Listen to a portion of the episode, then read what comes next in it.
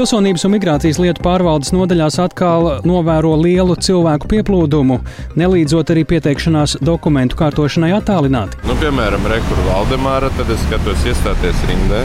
Noformēšana tagad ir slēgta. Citu dienu es nevaru izvēlēties. Un tad uh, bez pasas dzīvot, ko darīt. Radījumā pēcpusdienā skaidrosim, kāpēc izveidojušās rindas un ko darīt. Stāstīsim arī par to, ka divus gadus pēc dibināšanas akreditāciju ieguvusi Vislatvijas vidusskola.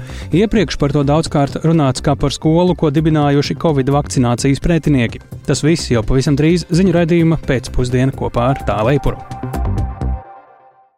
Un sākam ar Latvijas atbalstu Ukrainai. Līdz šim atbalsts ir bijis visai dāsns, gandrīz 1% no iekšzemes koprodukta, jeb vairāk nekā 314 miljonu eiro. Aptuveni 300 miljoni ir valdības sniegtais militārais atbalsts Ukrainai, bet pārējais Latvijas sabiedrības saziedotais. Jautājums šodien bija arī valdības darba kārtībā. Viena no lietām, kas jau ir zinām un šodien atbalstīta, gandrīz 16 tūkstoši, 16,5 tūkstoši eiro pārlīs sabiedrības integrācijas fondam, lai sektu izdevumus, kas saistīti ar Ukraiņu bēgļiem, paredzētā bezmaksas informatīvā dienakts tālruņa darbības nodrošināšanu. Bet runājot vēl par kādu palīdzību un šīs dienas notikumu, pat laban ceļu uz Kijevu ir sākuši mērot pašvaldības uzņēmumu Rīgas satiksme jau otrā ziedoto pilsētas autobusu kolona. To pavadīt šorīt devās arī kolēģi Ieva Puķe, turpinājumā viņas sagatavotā reportāža. Putins pateica vienu zīmīgu frāzi. Viņš teica, krieviski, mi možam pavterīts. Ir tāda absolūta dežavu sajūta. Pilnīgi tie paši karogi uz autobusiem, tūkstošiem cilvēku no sirds dotā palīdzība.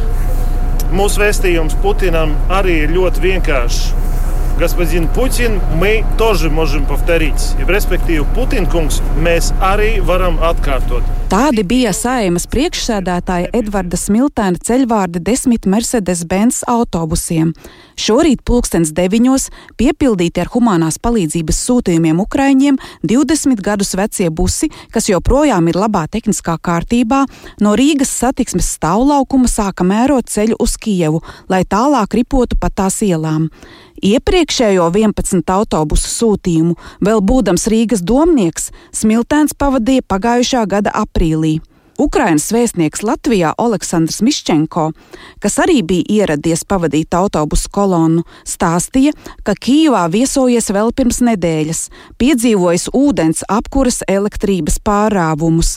Šis būs tiešām nozīmīgs atbalsts karā izpostītajam pilsētas autoparkam. Turklāt šāda palīdzība Ukraiņiem ļaus ietaupīt naudu armijas vajadzībām. To, to Kyiv and, uh, see, uh, Kad Kijivā notiek raķešu uzbrukums, trūkums, tad arī elektrotīkls nestrādā. Nevar pārvietoties ar tramvajiem un trolēbusiem. Vienīgais veids, kā tikt no vienas pilsētas daļu uz otru, ir autobusi. Tie ir kritiski svarīgi Ukrainai tieši šobrīd, kad Krievija atkal un atkal cenšas uzbrukt ar raķetēm un radīt bailes. Mūsu uzvara kaujas laukā šobrīd ir vissvarīgākā. Our victory in battlefield is very important, crucial important now. Pieredzējušais Rīgas satiksmes šoferis Ervīns Jakovļevs, kas ikdienā brauc 21., 41. un 37. maršrutā, uz Ukrainu stūrē autobusu, kam ir 9. numurs. Šogad 20 gadi paliek jau satiksmē. Kaut kas savādāks, un īstenībā tā, lai gribēs arī tā kā Ukraiņas cilvēkiem nogādāt vismaz kaut ko, ko es varu palīdzēt. Nu, vismaz mēs drēbes esam ziedojuši. Un jūs teicāt, jūs esat runājis ar kolēģiem Ukrajinā, kas brauc ar šiem autobusiem? Jā, viņš strādā uz trolēbusiem. Un, un viņš teica, ka visi autobusi tādi brauc ar mūsu logotipiem Rīgas satiksmē. Vienīgais, kas ir nomainījuši, ir augšējos tablo. Pirmā pietura auto kolonnai būs Suvalkos, kur šoferi arī gulēs pa nakti. Kolēģiem uz Ukrainas robežas autobusus paredzēts nodot ceturtdienas rītā. No Rīgas līdzi brauc arī atslēdznieks un automehāniķis. 1600 km pilsētas autobusiem, kas pārvietojas ar ātrumu 70 km/h, tomēr nav nieka lieta. Ieva Puķa, Latvijas radio. Turpinot par Ukrainu, Krievijas izvērstajā karā Ukrainā pēdējās dienās par frontes īpaši karstu punktu ir kļuvusi Soledāras pilsēta. Tur Krievijas uzbrukuma intensitāte tagad ir lielāka nekā pie Bahmutas. Tikmēr Ukrainas un Rietumvalstu amatpersonu un militāru personu starpā joprojām turpinās aktīvs darbs pie militārās palīdzības koordinēšanas un arvien plašāk izskan ziņas par valstu gatavību piegādāt tankus Ukrainai. Esam sazinājušies ar mūsu ārzemju ziņu kolēģi Uldi Ķēzi. Vestberi, viņš ir gatavs pastāstīt vairāk par notiekošo Ukrainā. Sveiks, Uldi! Jā, sveiks, Tālis, sveicināt Latvijas radio klausītāji. Kādi ir tie svarīgākie un, un šajā gadījumā, diemžēl, jāsaka, karstākie jaunumi par notiekošo frontē un vēl precīzāk tieši Solidarā? Jā, Ukrainas bruņotie spēki ir paziņojuši, ka šī Donetskas apgabala pilsēta ir kļuvusi par karadarbības epicentru, un Krievijas karaspēks tādās nelielās cilvēku grupās gandrīz nepārtraukti veic uzbrukumus pilsētai. Iebrucējus piesedz smagā artilērija, vairākas reaktīvās artilērijas palaišanas iekārtas un arī mīnmetēji. Ukrainas aizsardzības ministra vietniece Anna Maļara ir paziņojusi, ka uzbrukuma grupas veido pārsvarā algotņi no privātā privātās armijas Wagner. Eh, Lielbritānijas militārie izlūki savā jaunākajā ziņojumā šodien ar tādu diezgan pesimistisku pieskaņu raksta, ka Krievijas karaspēks visticamāk kontrolē lielāko daļu no Solidaras, eh, kur eh, pirms kara dzīvoja aptuveni desmit tūkstoši iedzīvotāju. Iebrucējiem būtiskus panākumus ir izdevies gūt tieši pēdējās četrās dienās. Britu izlūki norāda, ka Solidaras sagrābšana ir nu, viens no priekšnoteikumiem, lai Krievi varētu mēģināt ieņemt arī aptuveni 10 km attālumā esošo Bahmutu, kur līdz šim norisinājās smagākās kaujas. Tomēr esot maz ticams, ka Krievijas karaspēkam varētu drīzumā izdoties ieņemt arī Bahmutu, jo Ukrainas spēki tur ir izveidojuši tādu ļoti stabilu aizsardzības līniju. Tāli. Nu, joprojām turpinās arī Ukraiņas centieni nodrošināt karam nepieciešamo palīdzību un atbalstu, kas jauns šajā ziņā. Jā, Polija ir ierosinājusi valstīm kopīgi izveidot tādu plašu koalīciju starptautisku, lai piegādātu Ukrainai modernus kaujas tankus, piemēram, Vācijā ražotos Leoparda. Tikmēr pašas Vācijas kanclers Olafs Šalts joprojām ir diezgan rezervēts pret iespēju piegādāt Ukrainai leopardus, lai gan Eh, viņa valdībā pieauga atbalsts šādam solim. Un eh, Vāciju piegādāt tankus varētu pamudināt, piemēram, Lielbritānijas lēmums eh, piegādāt tankus Ukrainai. Briti jau vairākas nedēļas apsverot iespēju piegādāt Ukrainai tankus Challenger 2. Un izdevums Politiko vēsta, ka ASV savukārt apsver iespēju nodot Ukrainai bruņu mašīnas Striker, bet Zviedrijas ārlietu ministrs Tobijas Bilstrēms apliecinājis, ka uz Ukrainu tiks nosūtītas pašgājēji haubicis Archer, kuras uzskata par vienām no labākajām pasaulē. Sakām lielu paldies tik tālu Lūdim Česberim par situāciju Ukrainā un dodamies pie mūsu nākamā temata, kas arī ir saistīts ar Ukrainu. Plašu rezonanci izraisījusi ziņu telekanāla Dožģi, jeb TV Rein. Tas tikko saņēmis Eiropas raidīšanas licenci Nīderlandē. Tā ir izsniegta uz pieciem gadiem un ļauj kanālam atgriezties arī kabeļu televīzijas sistēmās. Dožģi pārvietos savu redakcionālo centru uz Amsterdamu un šīs pilsētas pilsētas studija tad arī kļūs par kanāla galveno un centrālo, tikmēr Mediju darbinieki arī uh, vēl gaida darba atļaujas uh, Nīderlandē, un tik līdz tas notiks, tad arī viņi varēs pārcelt savu darbu uz turieni. Turklāt uh, kanāls Dožģa vakar, 9. janvārī, apstrīdēja šeit Latvijā Nacionālās elektronisko plašsaziņas līdzekļu padomis lēmumu par šeit izdotās apraides atļaujas anulēšanu.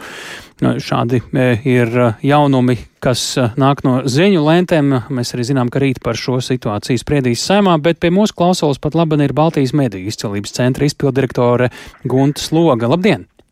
Labdien! Nu, šobrīd kā ir vērtējams tas, ka Dožģa turpinās darbību, bet nu jau no citurienes šajā gadījumā viņi saņēmuši šo atļauju Nīderlandē? Eh, nu, varbūt jāsāk sākumā ar to, ka, ka šī te varbūt pat mums tāda svarīgākā ziņa ir tā, ka Doži nolēma pārsūdzēt šo nepalpa lēmumu. Un, manuprāt, tas ļoti būtiski, ka tiešām tiesas ceļā tiks pieņemts šis lēmums. Ir bijis ļoti daudz emociju, bet tiks tā tad izlemts, vai tad bija šis pamatojums atsaucoties uz šiem drošības apsvērumiem atņemt dažu licenci vai nē. Un šajā kontekstā, protams, mēs varam arī tad skatīties uz Nīderlandes. Uh, nacionālā regulātoru lēmumu, kur tā tad, uh, ja, ja mēs uh, redzam, ka regulātors ir nolēmis piešķirt dažu apraides licenci, tas nozīmē, ka šis regulātors nesaskata nopietnas drošības draudus dažu darbībā. No tā būtu secināms, kas, ka kāds no regulātoriem kļūdās Latvijas vai Nīderlandes? Mēs, protams, attiecībā uz Latviju, es domāju, mums ir tiešām ļoti būtiski sagaidīt šo tiesas spriedumu, jo mēs, jo šobrīd mēs tikai zinām, ir šī atsaucas uz nacionālās drošības jautājumiem, bet mēs neviens to neesam redzējuši. Protams, kas tas ir un es ceru, ka tiesa, tiesa pieņems šo lēmumu un mēs tad sapratīsim, vai bija pamats vai nebija. Jo, manuprāt, tas, kas ir būtiski, ko arī Dožs, ka par ko viņi arī iestājas visvairāk šajā savā pārsūdzībā, ir viņi pat neapstrīd pašu licenci, bet šo lēmumu nesamērīgumu. Un tā, par to jau, manuprāt, arī bijušas šīs lielākās diskusijas, vai lēmums bija samērīgs vai nebija. Tik tālu par telekanālu Dožģi ir 16,15 minūtes, un tā Baltijas mediju izcelības centra izpildirektora Gunta Sloga. Par mediju darbību turpinot šeit par vietējiem sabiedriskajiem medijiem tepat Latvijā. Kultūras ministrija pēcpusdienā jau tieši šobrīd norit budžeta sarunas, tā skaitā izmaksu sadārdzinājuma kompensēšana sabiedriskajiem medijiem tiek apspriesta, un izskatās, ka ir sadzirdētas sabiedrisko elektronisko plašsaziņas līdzekļu padomjas pagājušajā nedēļā paustās bāžas. Vairāk Jāņa Kīņš sagatavotajā ierakstā. Sabiedriskie mediji nav saņēmuši apstiprinājumu par energoresursu un inflācijas radītās atdārdzinājumu kompensēšanu. Tā pagājušajā nedēļā publiski pauda sabiedrisko elektronisko plašsaziņas līdzekļu padomas vadītājs Jānis Siksnis. Tādējādi Latvijas televīzijai būtu mazāk izklaides un neatkarīgo producentu raidījumu. Savukārt Latvijas radio satura saglabāšanas vārdā nāktos plānot būtiski mazākus kapitāla ieguldījumus. Šīs norādes ir labi zināmas mediju nozare pāraugošajā kultūras ministrijā. Šo pēcpusdienu tur norit sanāksme par budžeta sadalījuma jautājumiem, tajā skaitā padomas norādītajām problēmām. Kultūras ministrijas parlamentārais sekretārs Ritvars Jansons no Nacionālās apvienības atgādina par jau iepriekš definētajiem mērķiem satura stiprināšanu Latvijas radio 4 un Latvijas televīzijas piedāvātā satura tulkošanu mazākumtautību valodā. Protams, ka tās ir prioritātes arī, par ko ministrs iestājās. Jārēķina jau gan SPP atbalstam, gan uh, Latvijas radio un televīzijas uh, atbalstam. Tas nav tikai viens ministrijas rūpa, bet, nu, būtībā tas ir kopējā budžeta horizontālā līnija, nu, kas visiem jāatbalsta. Par mediju jomu atbildīgā saimas cilvēktiesību un sabiedrisko lietu komisija vien pēc valsts budžeta projekta nonākšanas saimā apspriedīs nepietiekumu finansējumu sabiedriskajiem medijiem. Turpina komisijas vadītāja Ieva Branta no apvienotā saraksta. Visu mūsu privilēģija ir informatīvās telpas drošība. Un jā, SPLP pilda savu pienākumu sitot trauksmi un brīdinot sabiedrību un vēršot politiķu uzmanību uz aktuālo problēmu, tāpēc politiķi attiecīgi reaģējot pievērsīs tam uzmanību pastiprināt un mūsu informatīvā telpa neciest. Tikmēr budžeta vērtīšanai gatavojas ne tikai koalīcijas partiju pārstāvji un ministrijas.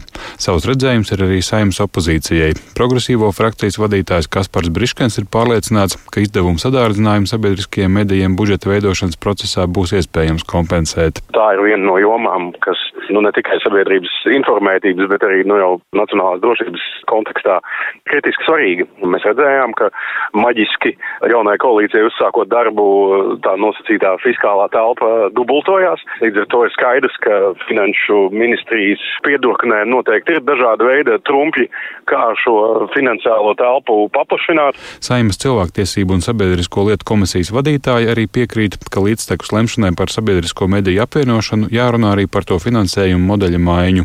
Pērn, pieņemot likumu par sabiedriskiem medijiem, Saima solīja piecu gadu laikā sasniegt Eiropas vidējam līmenim līdzvērtīgu finansējumu sabiedriskajiem medijiem. Jānis Kincis, Latvijas radio. Turpinām ziņu raidījumu pēcpusdienu.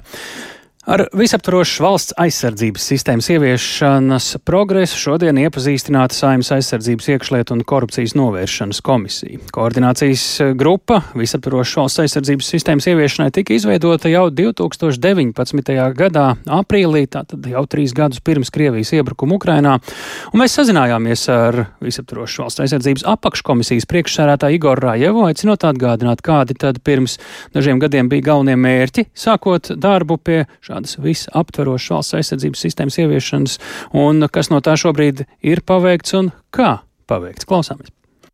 Tā ideja bija tad izveidot sistēmu, kur ar valsts aizsardzības jautājumiem pirmkārt, pirmkārt visi, visi uh, valsts pilsoņi un uh, arī visi valdības un pašvaldību uh, pārstāvi saprot, ka valsts aizsardzība ir uh, katra cilvēka uzdevums. Un mums to uzdevumu ir iespējams paveikt veiksmīgi tikai tad, ja mēs darbojamies visi kopā. Šim procesam ir septiņi lielie pilāri, kur tad ir um, nu, atsevišķās jomas, kur mums ir jāattīsta savas spējas. Un šodien mēs dabūjām informatīvo ziņojumu no aizsardzības ministrijas, jo aizsardzības ministrija ir vadošā organizācija šīs sistēmas ieviešanā. Un tad nu, viņi stāstīja par to, kā viņiem klājās, kur, nu, kur ir labi, kur varētu būt labāk. Un tad nu, mums tagad mm, radās tāds, tāds vispārējais iespējas par to, uh, nu, kur tad mēs esam ar šo sistēmas ieviešanu un uh, kas tad ir uh, vēl joprojām darāms. Mans secinājums ir tāds, ka darāms ir pietiekoši daudz. Vairāki plāni ir, teiksim, civilā aizsardzībā, ir iestrādātas vairākas lietas, piemēram, jautājumi par to, kā rīkoties pašvaldībām un, un valsts institūcijām kara gadījumā uh, ir uzrakstīti plāni, bet uh, visus tos plānus vajadzīgs vēl pārbaudīt un viņus ir nepieciešams precizēt. Uh, jo um, nu, tur lielākoties viņi uzrakstīti teiksim, tā, ļoti virspusīgi. Pietrūkst vairākas detaļas, un galvenais, ka tiem plāniem ir nepieciešams resursu nodrošinājums, un to resursu nodrošinājumu vajag uh, nu, dabūt rokā. Ir vajadzīgi gan cilvēki, kuriem pildīs noteiktos darbus, gan arī materiāla tehniskās rezerves. Un, uh, tas ir tas jautājums, cik precīzi kas mums ir vajadzīgs. Un tad pacelsies jautājums, kā mēs tās lietas um, dabūsim rokā, kur mēs tās lietas glabāsim un kā mēs viņas izmantosim.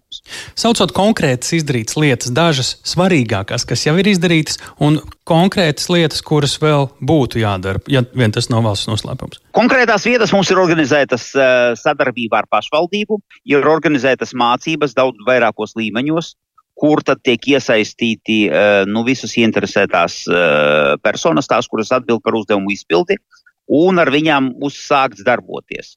Kas nav izdarīts, mums pietrūkst uh, konkrētikas plānos.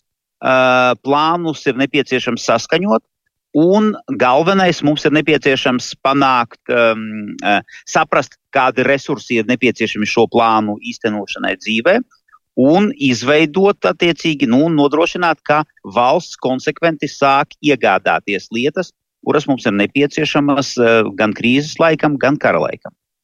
Vai šobrīd, kad ir vairāk gadi pagājuši kopš eh, šīs mm, sistēmas uh, ieviešanas sākšanas, varam teikt, ka varbūt ir arī jauni uzdevumi, ņemot vērā, ka arī ir noticis šis Krievijas jaunais iebrukums Ukrainā kas uh, fundamentāli pamaina tos pamatus un pie kā tagad no jauna faktiski ir jāstrādā vai jātīsta?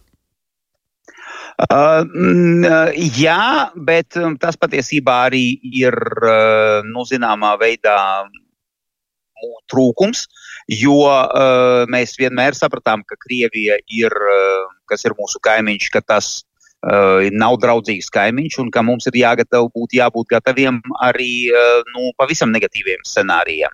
Uh, nu, tagad karš Ukrainā tomēr pārliecināja visus, ka tas patiešām uh, tas, kas var notikt, un ka tādam scenārijam ir jāgatavojas. Un, uh, Ministrijai jau tādu savu plānu ir sastādījusi, tādi plāni uh, tiek darboti. Tagad neprecizēšu, vai visās pašvaldībās, bet pašvaldības uz šādu plānu, pie šādas plānu izstrādāšanas strādā. Un, nu, jā, nu, to, tās lietas visas ir jāizdara. Tālūk, Igors Rajevs stāstot par valsts aizsardzības, visaptvarošas valsts aizsardzības sistēmas ieviešanas progresu. Šodien saimā tika uzklausīta aizsardzības ministrija par to. Tikmēr pasaulē naftas cenas sākušas nelielu kāpumu pēc tam, kad Ķīna ir atcēlusi bargos ierobežojumus Covid-19 saslimstības ierobežošanai. Naftas Ieguvēji un tirgotāji cer, ka Ķīnā strauji augs pieprasījums pēc naftas produktiem. Vienlaikus tirgi ar piesardzību gaida, kādu efektu būs atstājušas pret Krievijas naftu, eh, naftas eksporta ieviestās rietumu sankcijas. Vairāk par situāciju pasaules naftas tirgu Uģis Lībietis. Pēc tam, kad pagājušajā nedēļā Ķīna paziņoja par nākamo soli cīņā pret covid-19 un pirmo reizi triju gadu laikā atvēra savas valsts robežas, pasaulē ir sākusi pieaugt naftas cena. Kā ziņo aģentūra Reuters, šajā mēneša kalendāra jaunā gada laikā valstī ir paredzēta aptuveni 2 miljardi dažādu ceļojumu, un tas ir par aptuveni 70% vairāk nekā pirms pandēmijas sākuma. Ķīna ir arī par aptuveni 20% palielinājusi šī gada importa kvotas naftai. Uz šo potenciālo aktivitātes pieaugumu pasaules lielākajā naftas eksportētāju valstīm ir reaģējuši arī naftas tirgi. Pēc pagājušajā nedēļā piedzīvotā pēdējo sešu gadu laikā lielākā krituma vienas nedēļas laikā naftas cena atkal ir pakāpsies. Pašlaik Brent jēlnaftas cena ir pietuvojusies aptuveni 80 dolāriem par barelu, taču baidoties no iespējamās Covid-19 izplatības līdz ar ķīniešu turistu pieplūdumu citur pasaulē, gan Brent jēlnafta, gan ASV iegūtā nafta tiek tirgota ar ievērojamām atlaidēm. Kā televīzijas sabiedrībai CNBC skaidro enerģijas tirgus analīzes kompānijas Vanda Insights eksperte Vananda Harī, tirgi pašlaik ar bažām skatās uz nākotni.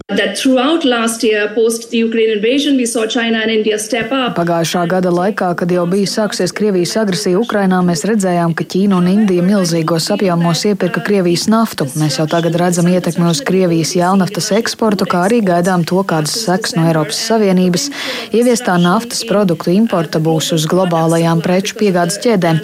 Manuprāt, šie jautājumi joprojām elpo tirgiem pakausī. Galvenokārt jau tāpēc, ka pašlaik tirgi ir kā apsēsti ar globālās ekonomikas nākotnes prognozēm, un otršķirīgi arī par Ķīnas ekonomikas prognozēm.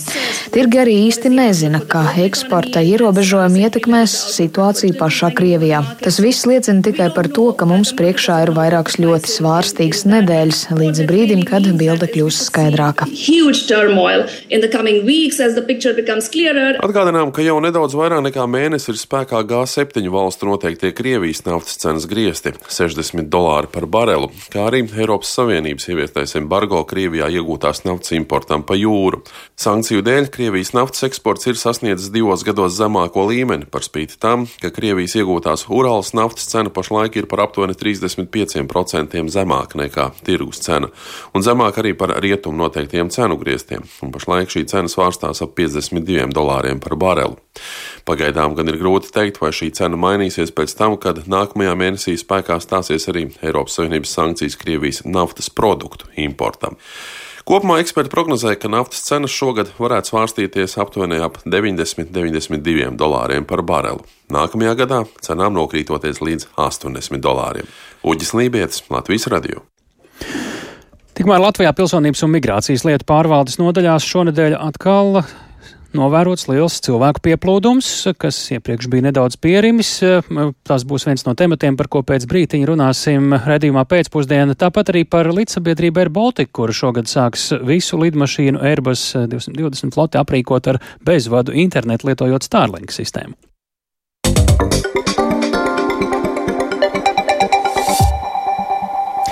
Pilsonības un migrācijas lietu pārvaldes nodaļā šonadēļ novērots uh, pamatīgs cilvēku pieplūdums. Situāciju sarežģīja arī slimošana un darbinieku slimošana, tikmēr sociālajos medijos daudz dalās uh, savā sašutumā, jo nelīdz uh, arī pieteikšanās dokumentu kārtošanai attālināti. Plašāk Agnijas Lāsdeņas ierakstā. Nu, piemēram, Rekur Valdemāra, tad es skatos iestāties rindē. Noformēšana tagad ir slēgta citu dienu es nevaru izvēlēties. Un tad uh, bez pastes dzīvot, ko darīt.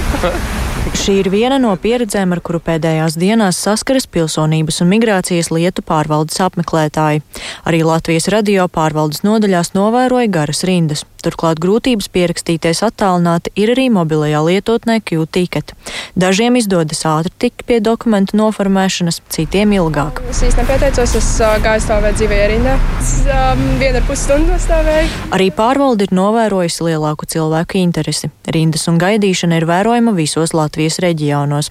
Tā saka pārvaldes pārstāve Madara Puķe. Ņemot vērā, ka tas cilvēku pieplūdums nodaļās ir liels, tad uh, Q-ticket uh, mobilajā lietotnē tie kārtas numuriņi, sevišķi Rīgas nodaļās, uh, tiek ļoti ātri izņemti. Uh, var veidoties situācijas, ka jau no paša rīta, neilgi pēc nodaļas atvēršanas, no numuriņi jau ir izņemti. Pārvalde gan nezināja iemeslus, kādēļ no jaunā gada parādījusies tik liela cilvēku interese. Tajā pašā laikā ir zināms, ka no maija visiem pilsoņiem būs jālieto elektroniskās ID kartes.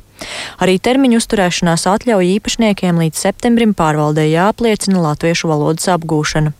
Rindas nemazina arī darbinieku trūkums nodaļās. Šonadēļ tiešām jābrīdina, ka Rīgas nodaļās ir šī darbinieku saslimšana, tāpēc varētu būt, ka tā apkalpošanas kapacitāte ir mazāka nekā ierasts. Ceram, ka nākamnedēļ jau atgriezīsimies pie savas ierastās kapacitātes. Jāpiebilst, ka slimošanas dēļ no vakardienas slēgt arī pārvaldes nodaļa Siguldā. Vismaz šonadēļ Siguldīšiem dokumentus jābrauc kārtot uz cēsīm. Agnija Lazdiņa, Latvijas radio. Rīgā akreditāciju ieguvusi privātā izglītības iestāde Vīslatvijas vidusskola. Iepriekš par to plašāk runāts kā par skolu, ko izveidoja Covid-19 vakcīnas pretinieki. Vairāk par šo skolu pastāstīs kolēģis Viktors Demidovs, kurš ir ielūkojies situācijā plašāk.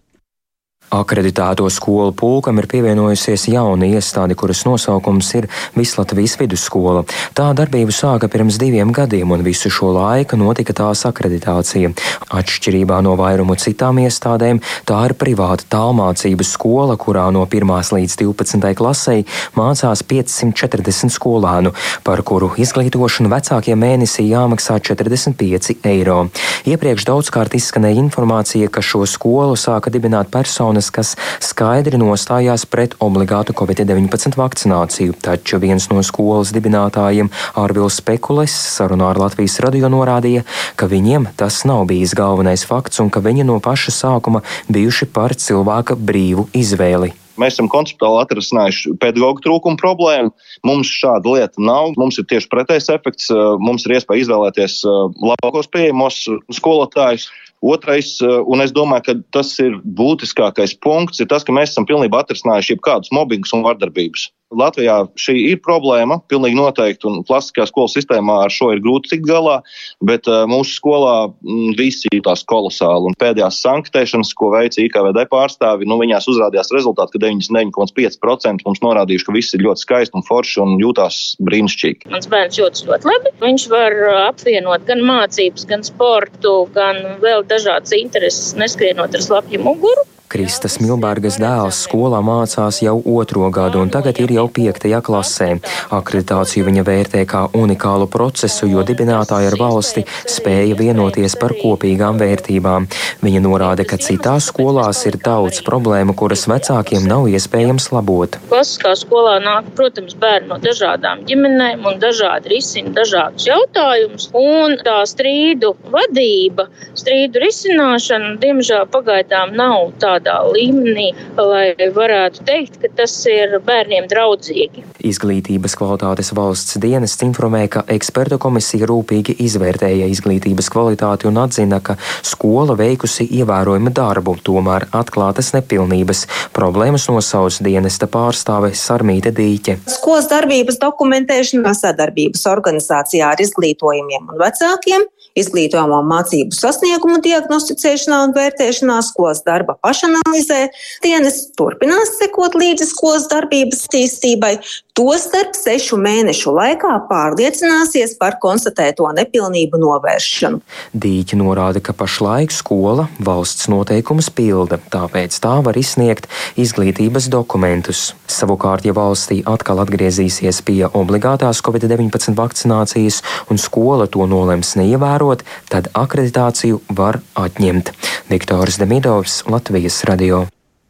Latvijas Nacionālā līdzsabiedrība Air Baltica šogad sola sākt visu lidmašīnu Airbus A220-300 floti aprīkot ar SpaceX interneta pieslēgumu sistēmu Starlink. Jautājām Air Baltica prezidentam Mārtiņam Gausam, kad tieši pasažieri var sagaidīt bezmaksas ātru bezvadu internetu lidaparātos, tie varētu būt jau tuvākie mēneši vai kaut kad vēlāk.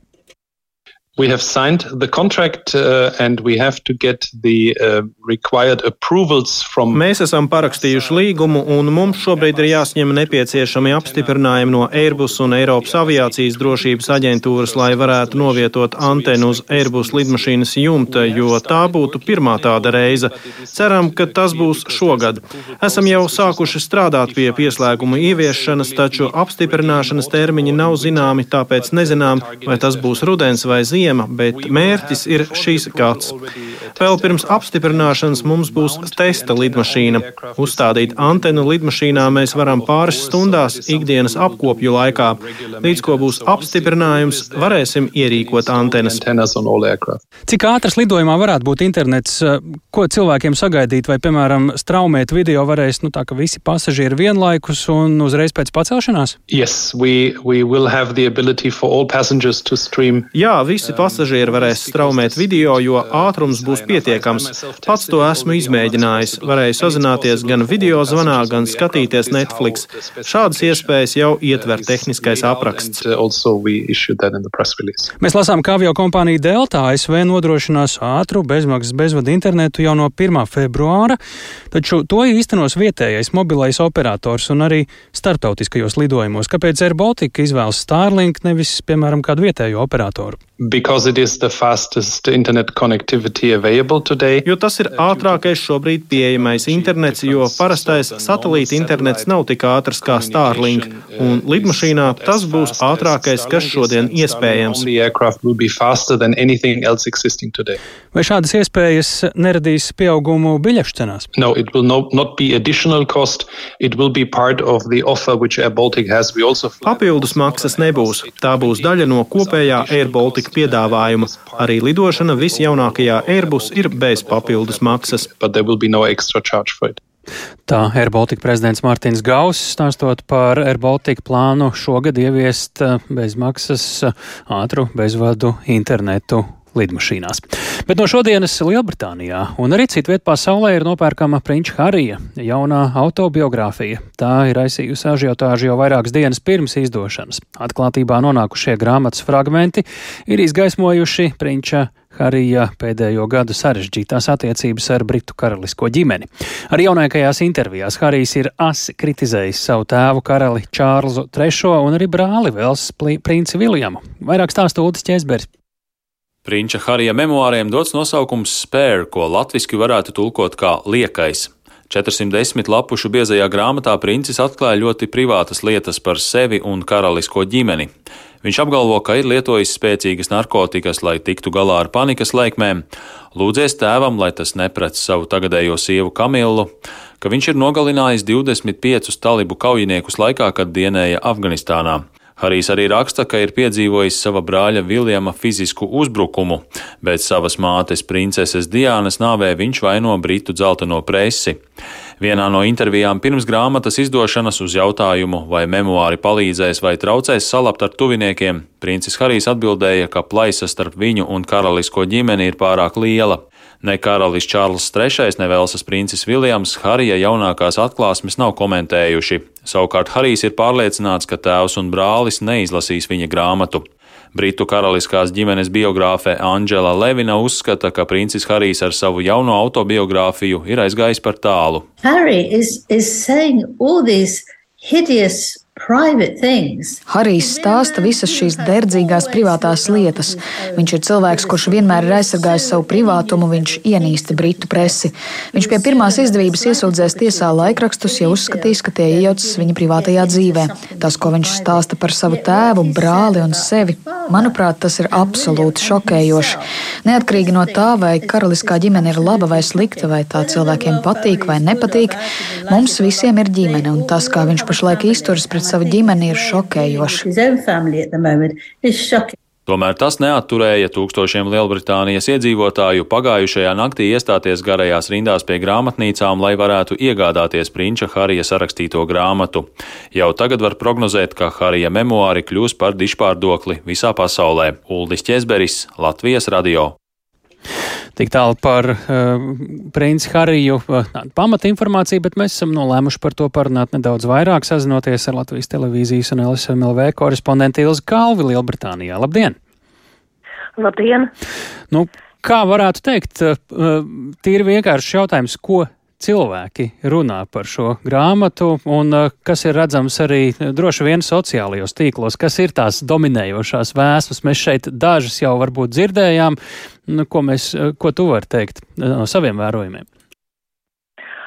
Uh, nu, īstenībā, ja, ja jautājums ir par to, ko latvieši domā par šo lietu. Labi, sākam ar latviešiem. Tad, tad uh, viņiem man, man šķiet, ka mūsējiem tomēr ir citas problēmas, jā.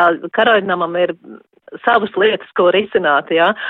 Un uh, latvieši šķiet uh, to praktiski vispār neapspriež. Tas, no, tas, tas, uh, tā, tā ir Britu mēdīju lieta, jā, jo šobrīd ieslēdzot televizoru, uh, gandrīz uh, 90% gadījumu tiks apspriestas karaliskās ģimenes lietas, kurš ko ir pateicis, kurš ko ir nokomentējis, un tādēļ, nu, teiksim tā, tas viss ir nedaudz apnicis. Tas vairāk tieši latviešu sabiedrībā. Nu, daudziem nu, varētu būt jautājums, kā tas ir dzīvot valstī, būt visā šajā sabiedrībā un to mazliet laist garausīm. Tas varbūt ir tā interesanti. Nē, nu es, es es, es neteiktu, ka laiž gar ausīm, bet vienkārši tā ir lieta, kas, eh, nu, cik tad var runāt, ka Harijs ir pateicis šito, Harijs ir pateicis to, atkal viņš nav, laikam, apskatījies, ko pats ir pateicis iepriekš, jā, atkal viņš ir pretrunās. Un uh, tas šķiet, nu, gluži vienkārši tas ir pārvērties par milzīgu farsu vismaz šeit. Tā varētu būt arī tā Latvijas eh, mediju telpas un Britu mediju telpas atšķirība, pie kura varbūt arī Latvijas, eh, no Latvijas nākušie cilvēki varbūt arī nav pieraduši un kur ir par daudz apmēta tā visa. Uh, es domāju, ka par daudz ir arī Britiem, jo, jo ah.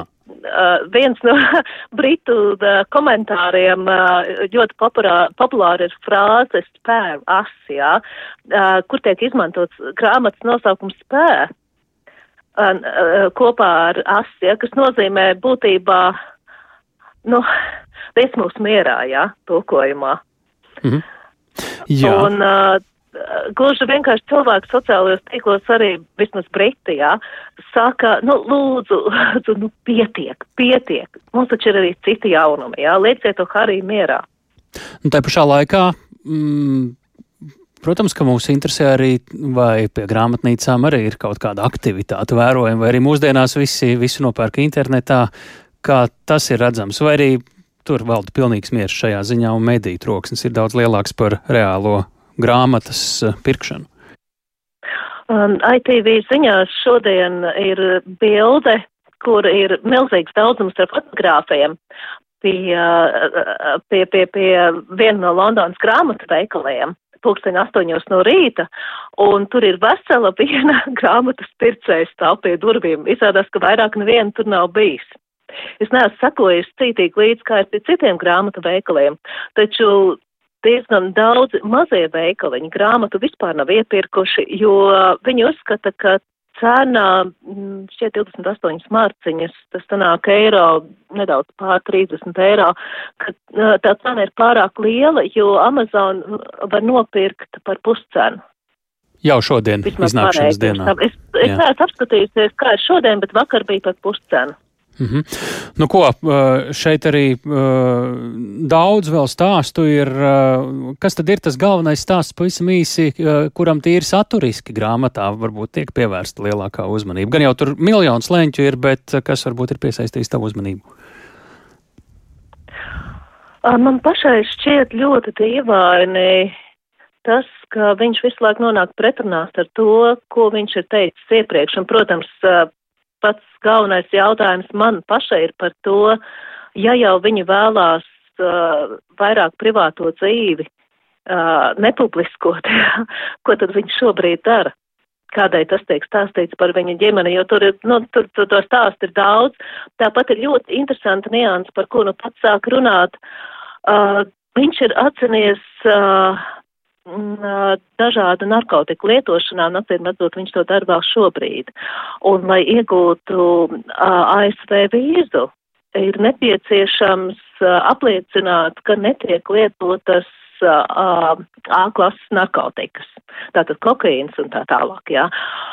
Un šogad, acīm redzot, viņam vīza beidzās, viņam atkal nāksies vīzu atjaunot. Un tad interesantais moments tiešām ir tāds, ko tad viņš tagad teiks. Vai viņš tiešām teiks, ka viņš nekad nav lietojis narkotikas?